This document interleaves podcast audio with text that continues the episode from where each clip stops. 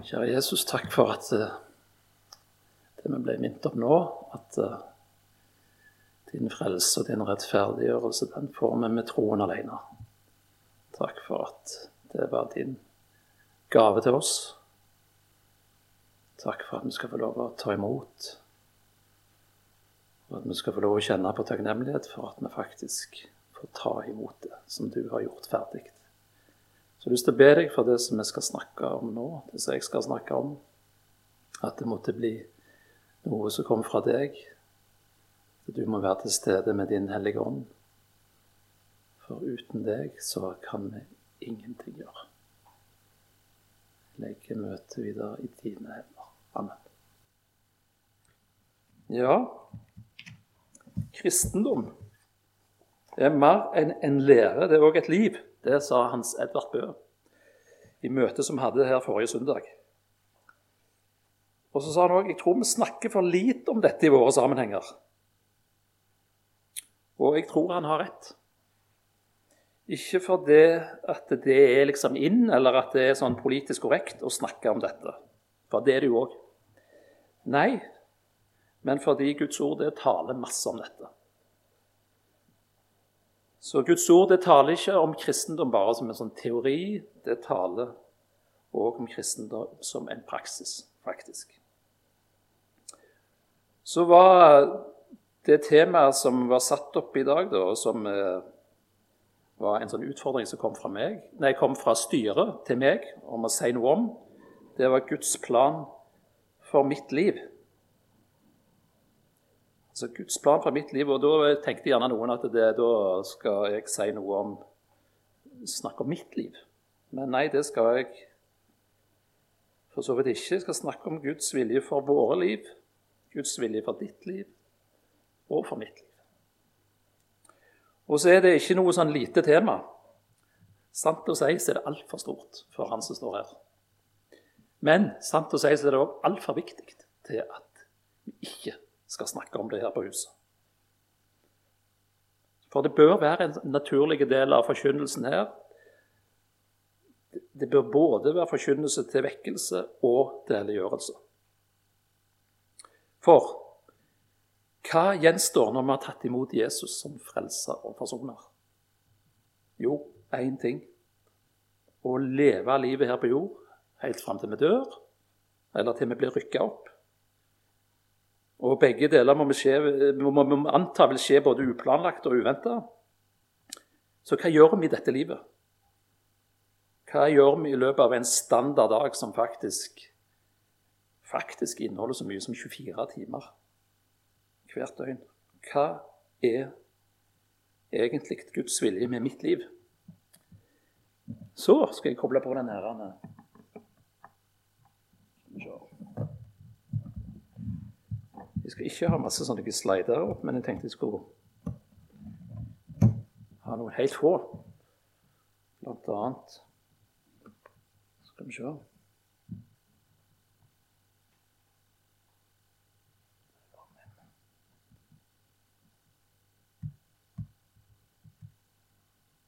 Der kom det. Jeg tenkte jeg sette opp en liten sånn innholdsfortegnelse, sånn at dere kan Det har vært en sånn måte for meg å sortere det jeg skal snakke om, og så kan det òg være litt sånn bakgrunn for dere òg til å forstå hva jeg skal gå gjennom her. Så en innledning. Så tenkte jeg å si litt om egen bakgrunn òg. Min egen bakgrunn gjør det litt sånn personlig. Det kristne livet, hvorfor er det viktig for forsamlingen, for deg og meg? Og for, for deg og meg på et overordna plan, men òg på et sånn individuelt plan. Og så litt om de tre viljer. Litt om helliggjørelse. Litt om overgivelse, og så en liten avslutning. Og så kommer det til å ta mer enn en halvtime, altså. Mange vil si at enkelte punkter her kunne en hatt mange bibeltimer om, og det kan en faktisk. Så dette har vært en litt sånn krevende øvelse å prøve å si noe komprimert om et stort tema. da. Så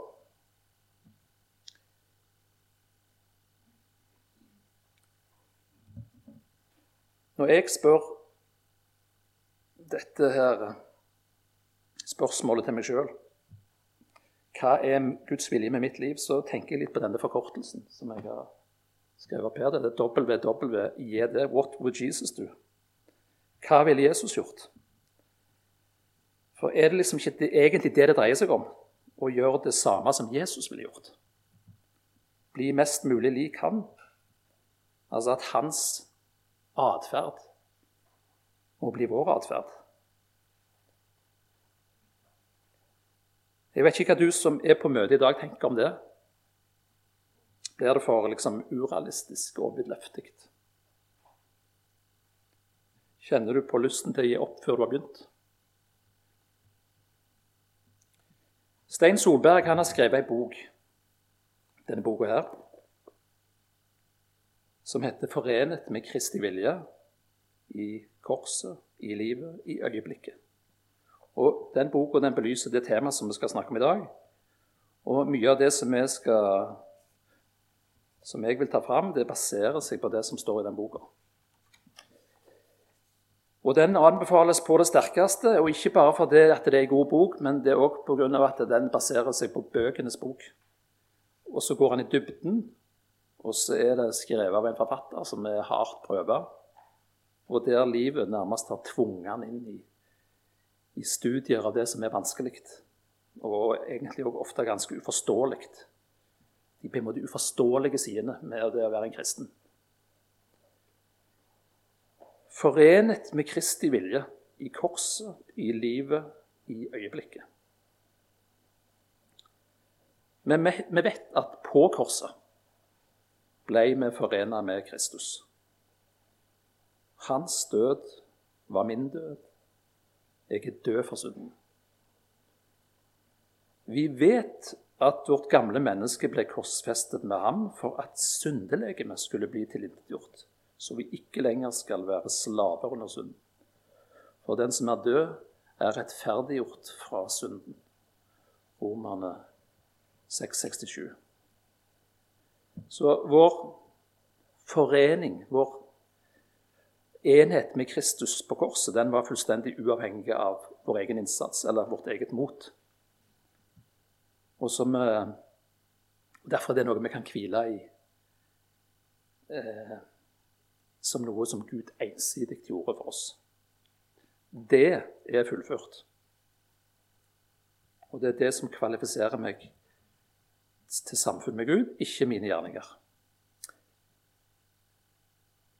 Men så hva med det å være forena med Kristi vilje i livet og i øyeblikket?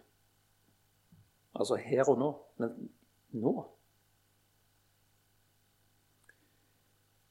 Litt om egen bakgrunn. Jeg er liksom oppvokst da. Og jeg sier ikke dette for å si noe Jeg er veldig glad for min egen bakgrunn. altså. Jeg er oppvokst i det jeg vil kalle en sånn roseniansk, luthersk, misjonsfokusert legemannstradisjon. Og der var det, og Mange vil gjerne kjenne seg igjen. Jeg, jeg sier litt for dette, Det kan være noen knagger der å henge ting på for andre enn meg. Men eh, Så hele dette, det, det jeg kommer til å snakke om i dag, det ble en slags blanding av en del ting fra, fra Guds ord, eh, som også er belyst i denne boka. Men så blir det òg min mine egne refleksjoner da, rundt dette temaet. Så på den måten så blir det litt sånn personlig. Så hva var det sterk vektlegging av i den tradisjonen som jeg er oppvokst i? Jo, det var evangelisk forkynnelse. Lov og evangelium, alt av nåde. Det var òg en eh, sterk forkynnelse av egen tilkortkommenhet. Altså, I meg sjøl er det ingenting å bygge på. Eller som det står i et vers i sangboka nummer 461, Per Nordsletten. O, min frelser så kjær, hvor elendig jeg er, med et hjerte fordervet av synd. Ifra hode til fot, hjertets innerste rot, kun en eneste masse av synd. Så var det også sånn at Fokus på gjerninger ble sett på som et blindspor. Det kunne fort lede til lovtrelldom og og egen rettferdighet. Så var det òg sånn at et godt vitnesbyrd det handla om det jeg eier i Kristus. Altså rettferdiggjørelsen, men egentlig ikke om livet med Jesus, altså helliggjørelsen. Så var det òg, eh, vil jeg si, gjerne en, nærmest en aversjon da, mot opplevelseskristendom. I. Det kunne lede til en altså, svermerisk kristendom, da, basert på følelser, manifestasjoner, ting som var forbigående. Alt jeg har sagt her, det er jo egentlig viktig, og det meste er jo faktisk sentralt i forhold til hva Guds ord sier, og spesielt om rettferdiggjørelsen. Og det at jeg f.eks. ble nulla ut i forhold til frelsen, det var selvsagt rett. Men hvor ble det av budskap om hva mitt nye liv er i Kristus? Det var en del forkynnelse om hva jeg ikke skulle gjøre. Og loven ble jo forkynt, og den driver oss jo til ham. Den driver oss til Jesus. Men ikke så mye ble sagt om hva Gud vil jeg skal gjøre med livet mitt. Selv om Guds ord taler mye om vårt liv som kristne. Etter at vi har tatt imot frelsen. Og i Guds ord der legges lista ganske høyt. I Johannes 2,6 så står det den som sier at han blir i ham, han er også skyldig til å vandre slik som han vandret. Og Her kommer liksom dette med sånn årsak-virkning. Sammenheng òg inn. Den som blir i ham, vil òg ønske å vandre slik som han vandret. Men hvis vi leser det ordet her Den som sier at han blir i ham, han er også skyldig til å vandre slik som han vandret. Så er, det, så er det ingen automatikk som er beskrevet her. Det står ikke den som, at den som blir i ham, vandrer sånn som han har vandra. Nei, han er skyldig til å vandre slik som han har vandret. Så gjelder det oss som sitter her i dag.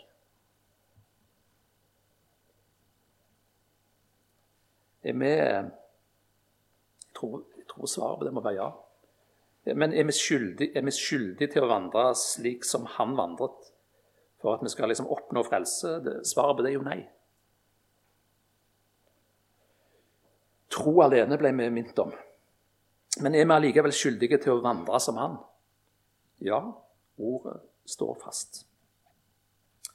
Så har det vært litt sånn eh, i min egen bakgrunn eh, ja, det har vært litt sånn lite forkynnelse av det kristne livet. Da.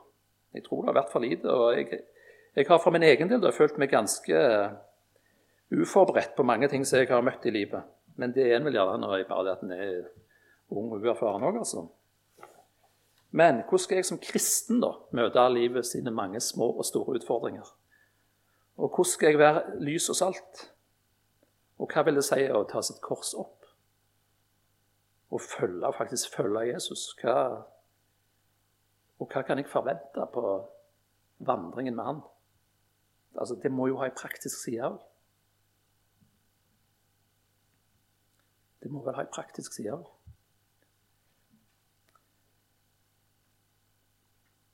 Det var litt om min bakgrunn. Så det kristne livet, hvorfor er det viktig for oss her i forsamlingen? Eh, litt mine tanker om hvorfor jeg tror det er viktig å snakke om dette i, i en kristen forsamling sånn som vi har her på Lura. Det er flere ting, noen punkter som jeg har tenkt på. Det ene er at, det, at vi har en utvikling i vårt samfunn som leder til et sånn massivt press vekk fra den kristne tanken. Det gjelder for mange ting. Vi kjenner det fra samlivsetikk, og det gjelder for menneskeverdet, livets inngang og utgang. Egoismen, dyrking av egen kropp og egen livslengde. Altså å dyrke skapningen i stedet for skaperen. Vi kjenner det fra at pengejag og karriere settes over det å ha omsorg for egne unger, osv., osv. Og så er det sånn at rommet for å tenke og handle liksom annerledes å hevde den tanken. Det blir stadig snevra inn. Og så er det òg sånn, tenker jeg, at forfølgelsen altså med, Forfølgelsen kommer, og vi må faktisk forberede oss. Og forfølgelsen må ikke komme som noe sjokk på oss, for vi har jo faktisk blitt forespeilt den av, av Jesus sjøl. Så hvordan skal vi uredde og med ro møte den forfølgelsen? Og hvordan skal vi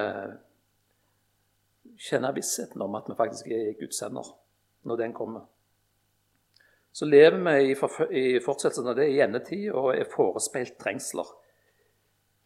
Som det står i Matteus 24, 21-22. For da skal det bli en trengsel så stor som det ikke har vært fra verdens begynnelse til nå, og heller ikke mer skal bli. Og dersom ikke de dagene ble forkortet, da ville ikke noe kjøtt bli frelst. Så dette er jo alvorlig. Og det er egentlig vår egen, vår egen liksom åndelige skjebne som står på spill. Vår egen og våre barns, og kanskje også barnebarns åndelige skjebne. Så vi må derfor være bevisst på hvordan vi innretter vårt liv som kristne, sånn at vi kan bevare troen og fullføre løpet. Og at vi òg får med oss andre på den veien som leder hjem til vårt egentlige hjemland, som er i himmelen. Og så må vi bli Nå var det mye vi må bli med, vi må tenke, men vi må bli faktisk mer foroverlente og offensive som Peter og Paulus. Når de holdt sine taler for høy og låg, var de liksom usynlige i samfunnet? Var de beskjedne på Guds vegne, rett og slett? Nei og atter nei, det var de ikke. Nei, de trodde De var ikke redde for å beskrive hvem Gud var, og hva hans budskap til menneskene var. Hans evangelium. De trodde på en stor, allmektig Gud og så presenterte de og proklamerte det budskapet sitt på en måte som sto i forhold til dette der. Det er han vi tror på. Men har vi denne troen? Eller tror vi mest på oss sjøl og det vi tenker ut? Og så har vi Gud med som en slags kraft som kan hjelpe oss liksom, til å realisere våre planer. Søker vi egentlig Guds vilje for vårt liv? Eller søker vi heller Guds velsignelse over våre eget sjølregisserte livsløp, men uten å la Han ta styringa? Det er dette det temaet i dag handler om. Så neste punkt mitt liv. Mitt liv, ditt liv, på et overordna plan. Hvor viktig er da mitt liv? Altså hvis vi tar et steg tilbake og ser i den store sammenhengen, i Guds store sammenheng.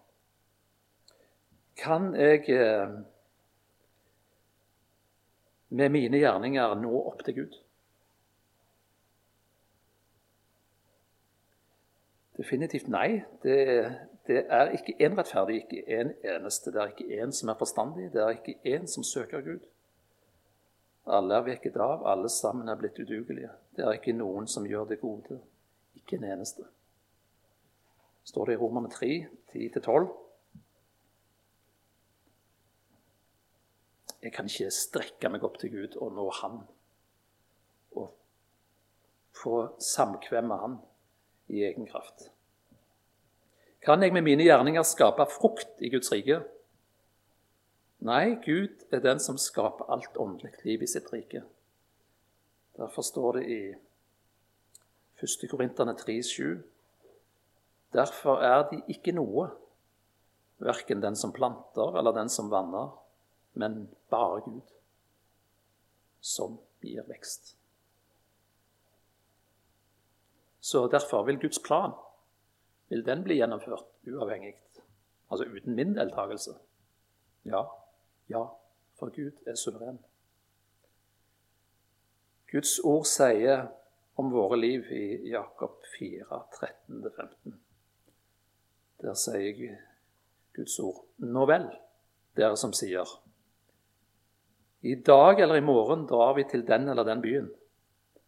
Vi skal bli der ett år og drive handel og tjene penger. Dere som ikke kjenner morgendagen, hva er vel deres liv? Dere er jo bare en røk som viser seg en liten stund, og så er borte. I stedet skulle dere si, om Herren vil, så får vi leve og kan gjøre dette eller hint. Så oppsummert på et sånn overordna plan, da, forstår meg rett. Min rolle, mitt liv, det er ikke så viktig. Det er ikke så viktig. Gud han vet jeg kommer til å leve et faktisk mangelfullt og svakt kristenliv. Det var egentlig den, den underliggende grunnen for at han sendte Jesus for å, gjøre faktisk det. Så Gud, som vi snakket om tidligere, Gud handla ensidig når han, visste, når han, sendte Jesus for å sone all verdens synd. Ingenting var avhengig av oss. Og med god grunn, for han visste og han vet at vi er skrøpelige og feilende vesener.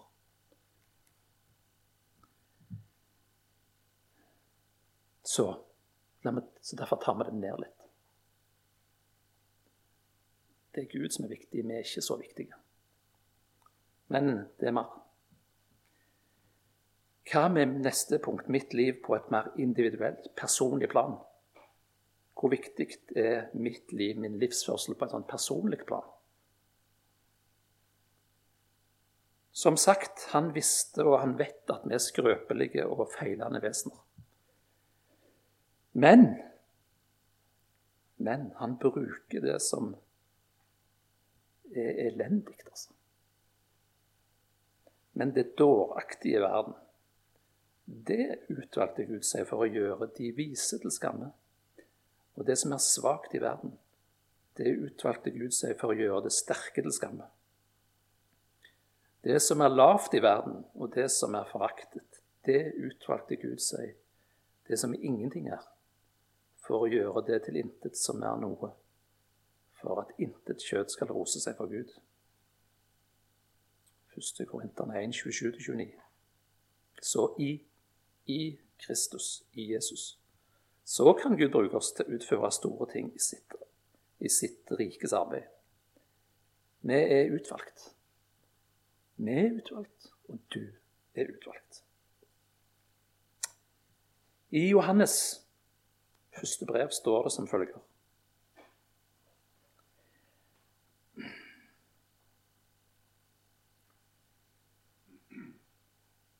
Der står det Elsk ikke verden, heller ikke de ting som er i verden.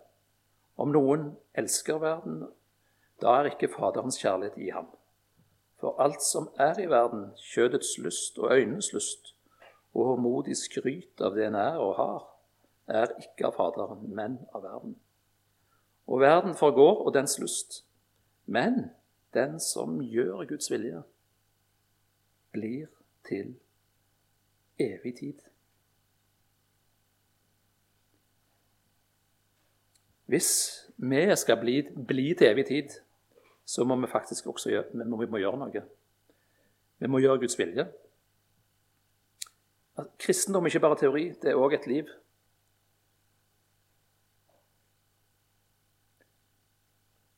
Hans Edvard Bø har rett. Selve liksom, hovedgjerningen den finner vi i Johannes 6, 29, der Jesus sier hva er hovedgjerningen i våre liv? Det er den som er beskrevet der. Guds gjerning er at dere skal tro på Ham som Han har sendt.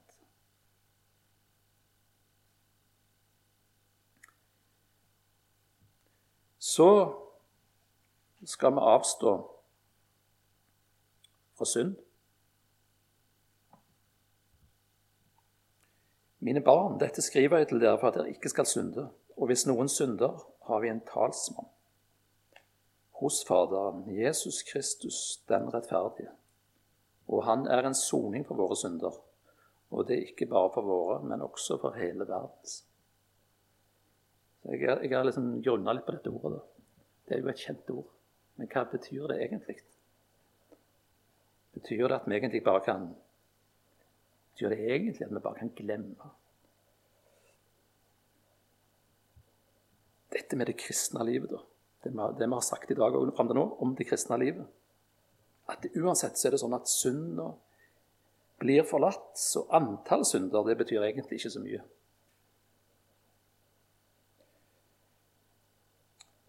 Så til det er det å si da, at Johannes han skriver i sitt brev, som vi ser på dette verset her Han skriver til dere for, for at dere ikke skal synde. Altså Her er altså liksom hovedanliggende da, at apostelen sier at de kristne skal avstå fra synder. Det er hovedregelen. Og når han peker på det som står om at Jesus er en soning for våre synder, altså han er en soning for våre synder, så legger han ikke opp til noe sånn syndenes tillatelse. Han sier derimot at hvis hvis noen synder. Altså Han skriver ikke 'når', når noen synder. Selv om han måtte vite at det, det gjør folk. Det gjør de kristne hele tida. Nei, han skriver 'hvis'. Jeg skriver til dere for at dere ikke skal synde. Men hvis dere synder, så er han en soning. Men apostelen for det kristne livet så legger han lista veldig høyt. Hovedforventningen er at de kristne ikke skal synde. Så rammer dette meg. Rammer det deg? Forhåpentligvis ja. Men rammer det oss for at vi skal miste troen på rettferdiggjørelsen, på Jesus soneoffer på korset? Nei. Langt ifra. Eller for at vi skal miste frimodigheten som kristne og innse at Gud han kan ikke bruke oss lenger. Nei. Igjen. Så hvorfor skriver apostelen dette? Jo, han skriver det fordi det er livsviktig for en kristen å leve i Kristi vilje med sitt liv. Hvordan skal jeg ellers bli bevart? Hvordan skal jeg ellers, skal jeg ellers nå fram? Hvordan skal jeg ellers få flere med meg på himmelveien? Med å gå mine egne veier? Spørsmålstegn.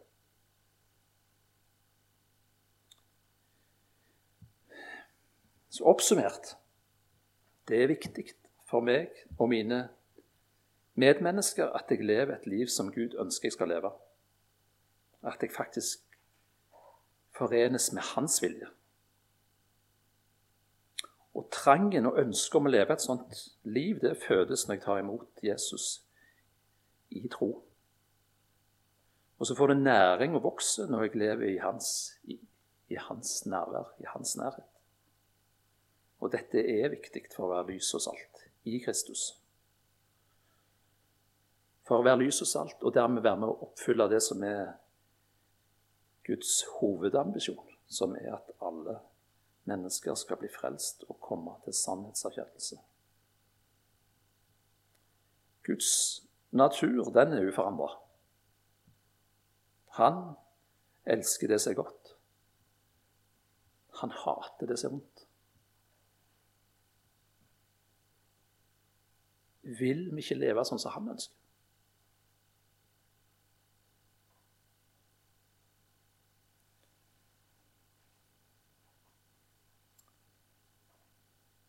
Så må vi skille mellom liksom, denne årsak og virkning, noe, noe en effekt av noe som egentlig er en hovedårsak. Og I Jakobs brev så står jo dette her om en, død, en, tro, en tro uten gjerninger som en død tro. der.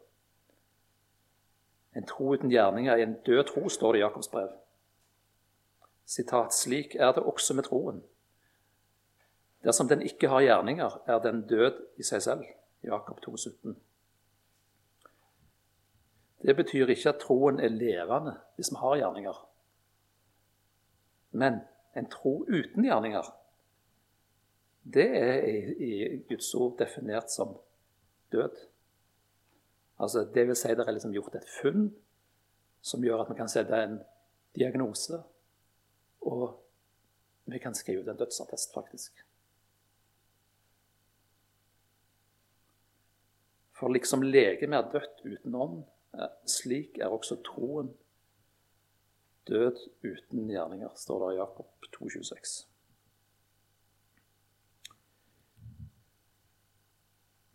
Ja. De tre viljer. Hva viljer er det som lever i, i, inni oss? Litt om det, da. Jeg har mange ganger tenkt sjøl på dette ordet som står i, i Romerne 7,19, som dere gjerne kjenner. Det gode som jeg vil, gjør jeg ikke. Men det onde som jeg ikke vil, det gjør jeg. Jeg, av og til syns jeg det har vært vanskelig å plassere det inn i mitt eget liv. Av og til er det noe jeg kjenner meg godt igjen i. Mine egne tanker eh, om hva jeg vil og ikke, de liksom, føler jeg mer, eh, mer varierte. Ofte så kjenner jeg meg faktisk igjen i dette ordet. det gjør Jeg Jeg ønsker å gjøre noe bra, jeg ønsker å tjene Gud, jeg ønsker å tjene min neste. Men så ender jeg opp med å svikte. Jeg skygger gjerne unna, jeg unngår oppgaven. Jeg velger gjerne egen bekvemmelighet framfor å gjøre det jeg vet egentlig er rett. I tillegg så faller jeg i synd, noe som ikke var planen.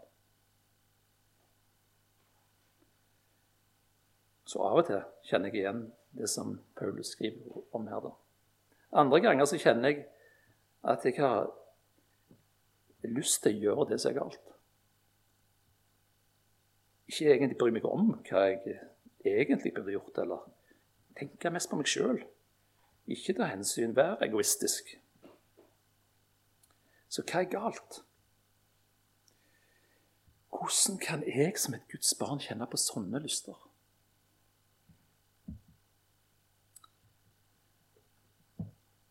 Vår vilje er mangesidig den er mangesidig. Og For å belyse dette så har Stein Solberg da, i sin bok inkludert en liten figur. Og Han eh, omtaler fire viljer, hvorav én er gått tapt. da. Og så er det tre igjen. Altså Den som er gått tapt, det er den syndfrie viljen før syndefallet. Den har vi mista. Men så har vi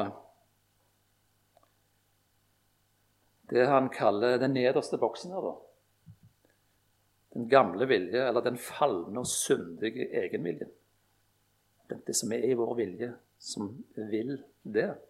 Altså, Den er inspirert av mørkets rike, skriver han, og søker ikke Herrens frelse. Ja, Vi kaller den ofte for den gamle vilje. Jeg syns ikke det er så vanskelig å kjenne igjen dette. Her Her ligger mye av grumset i eget liv òg det som faktisk er skittent, og det som faktisk er ondt. Så har vi en annen vilje. Den midterste boksen der, det er den naturlige vilje. der. Det er den gudsskapte, sjøloppholdende, naturlige sida med vår vilje. Etter, etter syndefallet. Det er en vilje som gjør mye godt og må styrkes, men som ikke er helt sånn Men den er heller ikke fri fra egenviljen eller fra den gamle viljen. Så den gamle viljen den liksom påvirker den naturlige viljen i midten der. Og her tenker jeg at eh, altså ønsket om å beskytte familien, unger, er et eksempel. Altså, Kim hopper ikke til sjøs for å redde sin sønn eller datter som er i ferd med å unna. Kim ønsker ikke å forsørge sin familie. Den type vilje snakker vi om her. Men som sagt, ikke heller denne viljen er usmitta av egenviljen. Så her kan følge liksom uedle motiv, selvhevdelse og sånne ting. Det kan følge med på lasset. da. Men så har vi den eh, øverste der, og det er den nye viljen. Og Stein Solberg skriver den nye viljen er den som Ånden skaper, selve brudenaturen i oss som har begynt å elske Kristus, som vil gjøre Herren, vil gjøre Hans vilje. Selve brudenaturen i oss som har begynt å elske Gud, elske Jesus. Den vil gjøre Hans vilje. Og jeg har tenkt, er ikke det fantastisk at Gud faktisk har lagt, har skapt denne viljen i oss? og at han vil at den skal vokse og dominere. Det er godt å, å kunne føle og kjenne på den viljen. Så til, tilbake til mine erfaringer. da, mine egne erfaringer. Hva, hva vilje ga meg liksom de rette og gode ambisjonene til å gjøre det som var rett? De rette ønskene? Jo, det var jo den nye viljen. Det var jo den toppboksen. Hvorfor svikta jeg, da? Og falt i synd, til og med? Jo, det er den gamle. Det var den gamle viljen som slo inn.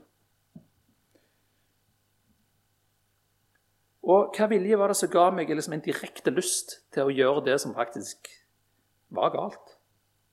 Jo, det er igjen den gamle, syndig, falne egenviljen. Så hva har jeg lært? Hva har jeg lært av dette? At her er det så mange viljer at eh, her eh, må jeg på en måte resignere. Altså, Dette er fullstendig utenfor min kontroll. Nei, jeg har lært at jeg må faktisk gå til krig mot denne her. Denne falne og syndige egenviljen. Eller, eller enda mer eh, presist Den krigen den foregår faktisk allerede. Så jeg må i alle fall ty til våpen for å kjempe mot den fienden. Åndelige våpen. Så og dette våpenet her, eller denne krigen omtrent, den har et navn, og det er helliggjørelse. Og det er da neste punkt på, dette, på denne uh, innholdslista mi. Helliggjørelse, ja. Og hva i all verden er dette med helliggjørelse? Jeg syns alltid det har vært noe sånn middelaldersk med dette ordet. Jeg, altså. Det passer liksom best for de som går i kloster og faster og ber og liksom vier sitt liv 100 til Gud. Men er det sånn? Så har jeg òg mange ganger tenkt at dette med, dette med rettferdiggjørelse da, Det er noe som Jesus ordner opp i. Det er, det er ferdig, det er fullført. Men helliggjørelsen, det er noe jeg sjøl må fikse. Og så er det sånn at det der med helliggjørelsen det har også liksom vært et sånn ukjent territorium. Altså, hva, Jeg blir liksom kasta ut i det. Hvor, hvor begynner jeg? Hva, hva, gjør jeg? Hvor begynner jeg?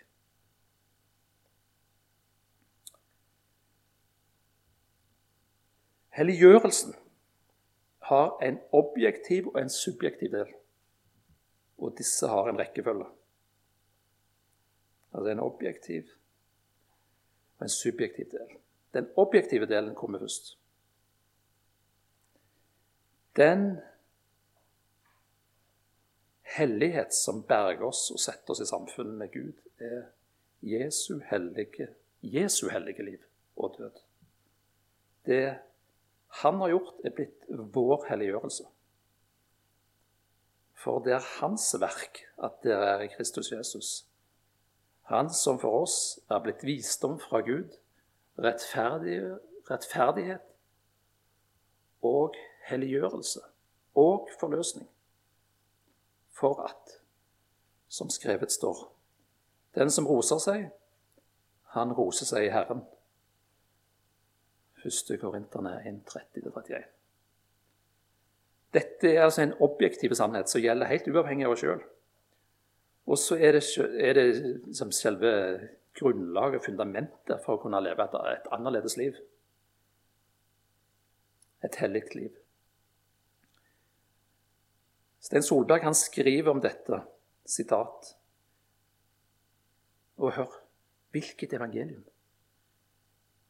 Jeg bor midt i helligheten, som er Kristus. Jeg er Jeg er allerede hellig, innviet og overgitt i Guds øyne, slik Kristus er. Kristus sier i Johannes 17, vers 19.: Jeg helliger meg for dem, for at også de skal være hellige i sannhet. Altså Ut av Hans hellige gjerning for meg bryter min hellige gjerning og overgivelse for ham og andre ut fra ved sannhetens hellige ånd. Altså, vi elsker fordi han elsker oss først. Så dette er selve fundamentet. da. Ut ifra dette springer alt kristenliv. Og for den som har tatt imot Jesus, så gjelder dette. Du er hellig. Det han har gjort, er blitt din helliggjørelse. Du er hellig. Den subjektive delen av helliggjørelsen den handler om, om å bli drevet av Han som er blitt vår helliggjørelse. Og Denne delen av helliggjørelsen den må aldri og skal aldri bli et grunnlag for frelsen, men det er en direkte følge av frelsen. For, igjen sitat, Ånden gir oss så en ny trang, Kristi trang til hellighet. Han vi er forenet med, og hvis hellighet vi eier. Han lever og arbeider i oss. Vår hellighet er ikke en død hellighet, men en oppstanden, personlig Gud. Altså, Vår hellighet er altså ikke en maske som vi tar på oss. Det er ikke en drakt som, som har liksom glitter og stas og en overflate som vi kan ikle oss. Sitat videre. Kjernen i vår hellighet er Kristus selv. Han har gitt oss sin person og bor nå i oss ved Ånden. Galaterne 2,20.: Jeg lever ikke lenger selv, men Kristus, altså i hans vilje, lever i meg. Så helliggjørelse, det er hans arbeid i oss, så vi blir som ham. Jeg kan også si at kristen hellighet blir mer og mer overgitt, trofast og lojal mot det Gud vil, hans vilje. Både hans frelsesvilje og hans livsvilje. Så her kan vi tenke oss tilbake til her, eh, de tre viljene, altså. Den, den der subjektive da, helliggjørelsen det handler om å gi den nye viljen rom. På bekostning av den nederste boksen der, den gamle viljen. Altså gi Den hellige ånd arbeidsrom, så å si. Nå for Guds vilje skjer nå. Og det betyr ikke bare å unngå synder, men faktisk utføre hans oppgaver i smått, og stort. For ektefeller, for unger, for foreldre, for venner, kolleger, de vi møter som er våre kristne brødre og søstre. Men òg i møte med ikke-troende. Og det er det veikartet og trafikkreglene som vi skal følge på den for, den, for dette, det finner vi Guds ord.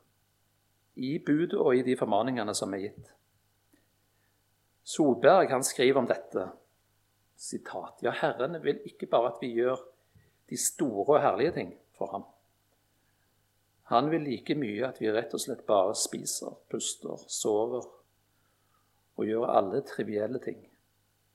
De tusener av småting som har med vårt hjem og arbeidsplass og daglig arbeid å gjøre samtidig som vi elsker Ham i alt og alle, og tar imot alt fra Ham. Han er like tilfreds med små ting som store. Dersom barnet kommer med en liten blomst eller finner en gullklump til far, gleder han seg like mye. Om den lille rabler ned noen streker på et ark, eller storesøster tegner et fint hus, for ham er det ingen forskjell. For oss, altså Guds barn, er helliggjørelsen like lett, enten den handler om Guds åpenbare og store eller små og mer ukjente krav. Det nye livet i Guds vilje er ikke tungt. Hans bud er ikke tunge. 1. Johannes 5,3. Hans bud er ikke tunge. For helliggjørelsen er altså ikke min gjerning i meg, men hans gjerning i meg. Så det er altså ikke sånn at Gud han, han ordner med frelsen og rettferdiggjørelsen, og så overlater han liksom helliggjørelsen til meg. Nei.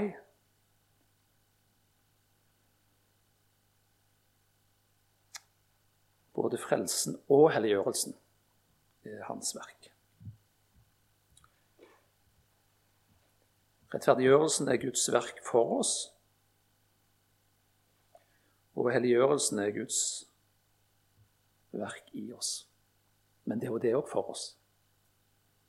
Guds verk i oss. For oss.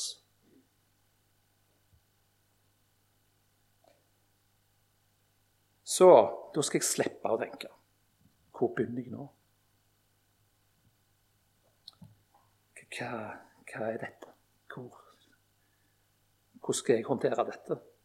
For han begynner. Han avslutter.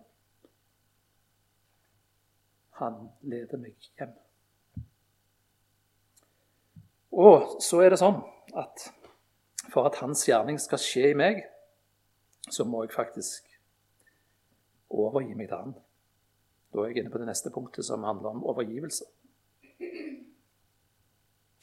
For Gud vil vi skal leve et hellig liv, faktisk. I 1. Tessalonika 4,7 så står det For Gud kalte oss ikke til urenhet, men til helliggjørelse. Derfor, den som forakter dette, han forakter ikke et menneske, men Gud, som gir sin hellige ånd i dere. Så det er utvetydig i Guds ord. Gud vil vi skal leve et hellig liv. Og, og smak på det ordet hellig.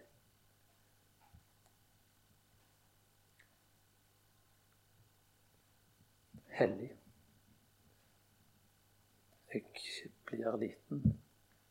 Vi blir vel alle litt små.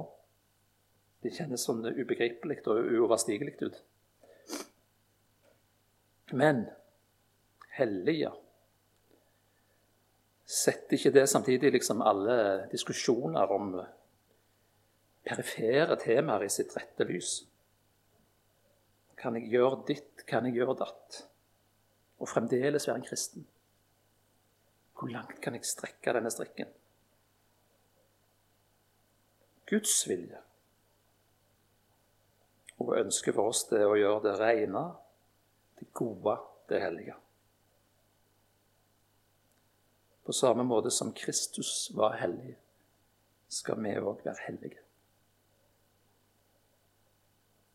I lys av det så blir det temmelig meningsløst å ikke avstå fra det som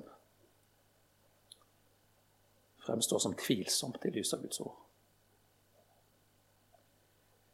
Å bli forena med Kristi vilje, det er, det er noe som henger sammen med Bibel og bønn. Til å fremme vekst og et hellig liv så bruker han ordet og ånden.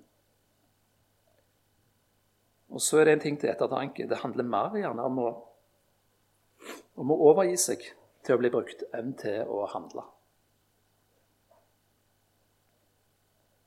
Det handler om den tredje bønnen i Fader vår skje din vilje. Skje din vilje. Og Guds vilje den kan ikke skilles fra Guds karakter eller personlighet. Guds egenskaper, Guds egenskaper, Guds vilje, Guds handlinger, det er ett. Det er Gud. Hans vilje er derfor full, som vi vet om Gud. Det er full av sannhet, kjærlighet, godhet, allmakt.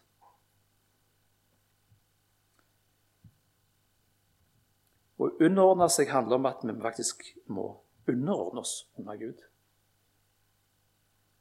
Og som det står i 1. Peter 5,7.: Kast all deres bekymring på ham, for han har omsorg for dere. Altså, hva skal jeg bli? Hvem skal jeg hvem skal bli min ektefelle? Hvor skal jeg bo? Når skal jeg inn på boligmarkedet? Hvordan skal det gå med helsa? Kaste på han. Men samtidig ta imot alt det som Gud måtte legge i din vei. Det betyr ikke at vi allikevel skal være passive, for Gud har utstyrt oss med evner og anlegg, naturgaver og nådegaver, og de skal vi benytte. Så vi slutter ikke å spørre legen eh, til råds, selv om vi har lagt helsa vår i, i Guds hender. Men det handler om å nullstille seg og være 100% åpen for hva Gud egentlig vil med livet mitt. At det ikke lenger blir liksom hans vilje og, og min vilje, men at min vilje blir hans vilje.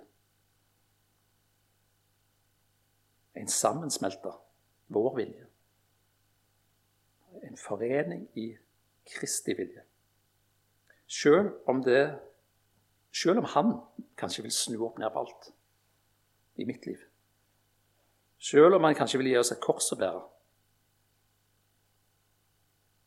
her var det sånn et, Jeg må ta det med et sånn litt sånn brutalt ærlig sånn sitat da, fra, i det boka til Stein Solberg, der han skriver om korset i livet som vi møter, og som han sjøl har møtt, møtt mye. For troen læres ikke ved at vi sitter på bløte puter og spiser slikkeri. Ja, nei, som regel ikke. Men sjøl om han vil gi oss et Om han vil gi oss kors i livet. Men vil vi overgi oss til hans vilje? Eller tørster vi egentlig etter er det, det vi egentlig bejakter, det er egentlig at vi vil ha evangelisk trøst over våre kjødelige liv? Han her, Hans Nilsen Hauge talte mye om dette og var opptatt av dette. og Han talte om noe hans Han kalte det dobbelte gjennombrudd. Som var å bryte ut av sin vilje, ut av sin vilje og inn i Guds vilje. Og dette vokste ut av Jesu forkynnelse eh, om omvendelse og etterfølgelse. Altså om å søke Guds rike først, gi opp alt for ham og stole på at hans vilje skjedde i ett og alt. Og så har jeg tenkt tenk på disiplene. Hvordan de ble kalt og måtte reise fra alt. Altså, Hvordan gikk det med karrieren, familielivet? arbeidstidene, helsa for apostlene, for Jesu disipler. Solberg skriver Er du åndelig tørst og sulten, lengter du etter et hellig liv, et rikt Kristusliv. Herre, Herren er kilden som bobler opp hvert øyeblikk det hellige måltid som serveres i dette nå. Ønsk ham velkommen i alle ting, unntatt i synden. Der er han ikke. Tro ikke at du oppnår hellighet og et rikere liv ved å dra langt av gårde. Hvorfor søke vekk? Du lever midt i det rike liv. Enten du steller til bedehusfest eller spar grisemøkk. Enten du arbeider med gull eller vasker gulv. Det er ikke arbeidet som gjør noen forskjell for ham. Det er du som er forskjell. Du er viktigere for ham enn hele verden. Du er hans gull i Kristus. Og hos ham blir gull til edlere metall. Og alt du gjør, til slottsarbeid.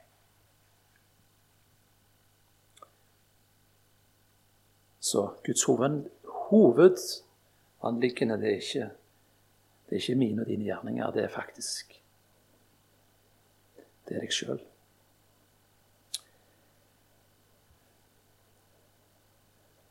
Christian Skriver han var tysk teolog, levde på 1600-tallet.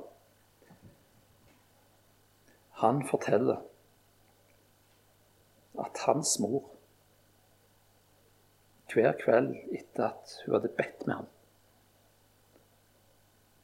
Så la hun altså hun la sin hånd på hans hode og velsignet ham.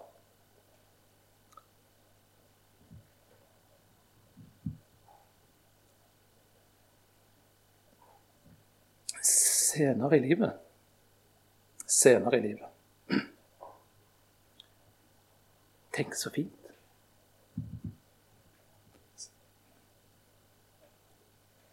Senere i livet, når fristelsen kom over ham, var det alltid som han følte sin mors hånd på sitt hode, og han fikk kraft til å si til seg selv Gjør ikke din frelsers sorg og din mors skam. Der har du ei god mor.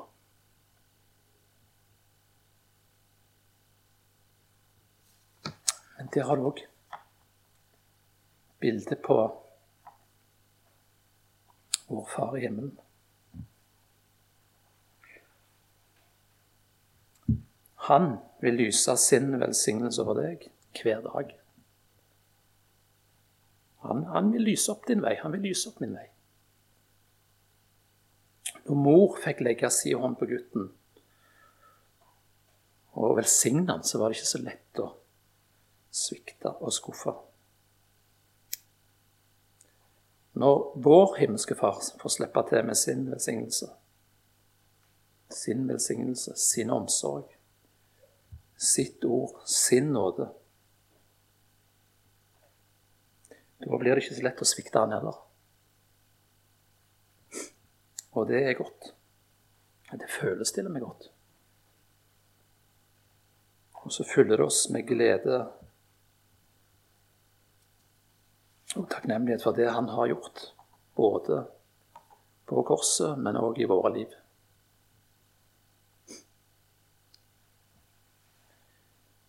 Vi har fått Altså, vi har fått ny kraft til å gjøre det Herren vil, vi som er født av Ånden og nåden. En ny vilje er kommet inn i livet.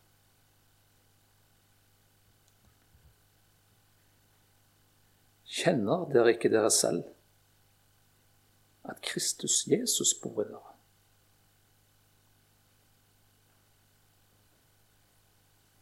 Det er det nye livet, det er den nye viljen. Og hvor skal hjelpen komme fra til å leve som et Guds barn? Jo, fra all, all nådes Gud. Men all nådes Gud som har kalt dere til sin evige herlighet i Kristus Jesus. Etter en kort tids. Han skal dyktiggjøre, stadfeste, styrke og grunnfeste dere. Ham tilhører makten i all evighet.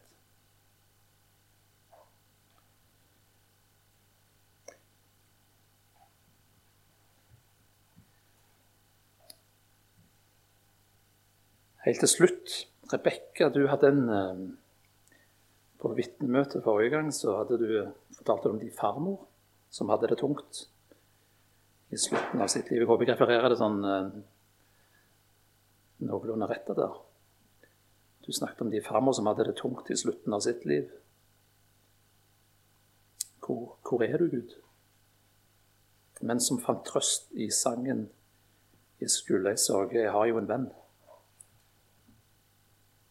Og som fikk trøst i at om Jesus sov i båten iblant, han er dog i båten om bord. Hvor er du, Gud? Og sitat som jeg, hvis jeg husker det rett Han er i båten, vi må bare la han styre båten. Fikk hun klynge seg til. Han er i båten. Jeg må la han styre. Og her ligger kjernen i det vi har snakket om i dag. Vi må bare la han styre båten. Det er Guds vilje for våre liv. Skal vi be. Ja, kjære himmelske Far, takk for at du er den som har ordna med alt. Du ble vår rettferdiggjørelse, og du er òg vår helliggjørelse. Takker deg, himmelske Far, for at Vi skal få tro på deg når du sier at du lever i oss. Og så skal vi få lov å gi deg rom. Så skal vi få lov å legge oss i dine hender. I dine allmektige, velsignende, opplysende, gode vilje. Kjære Jesus, jeg ber om at vi må få lov å hvile der. Og så må du gjøre det sånn at vi kan gå ut i livet og ta opp kampen mot den gamle vilje i våre liv. Kjære Jesus, at du må hjelpe oss til å leve det hellige livet som du ønsker vi skal leve. Takker deg for at du er med, og at du vil være med hver enkelt som søker deg. Må du gi oss et inderlig og nært forhold til deg hver dag. Kjære Jesus, at vi kan, at vi kan få gjøre ting i din kraft og ikke i egen kraft. Ber for forsamlingen her at du må velsigne oss i vår, i vår skrøpelighet. Må du gjøre må du la det gjøre det sånn at vi kan støtte oss på en, en sterk Jesus. Og tjene deg på den måten som du hadde tenkt. Ditt gode himmelske navn.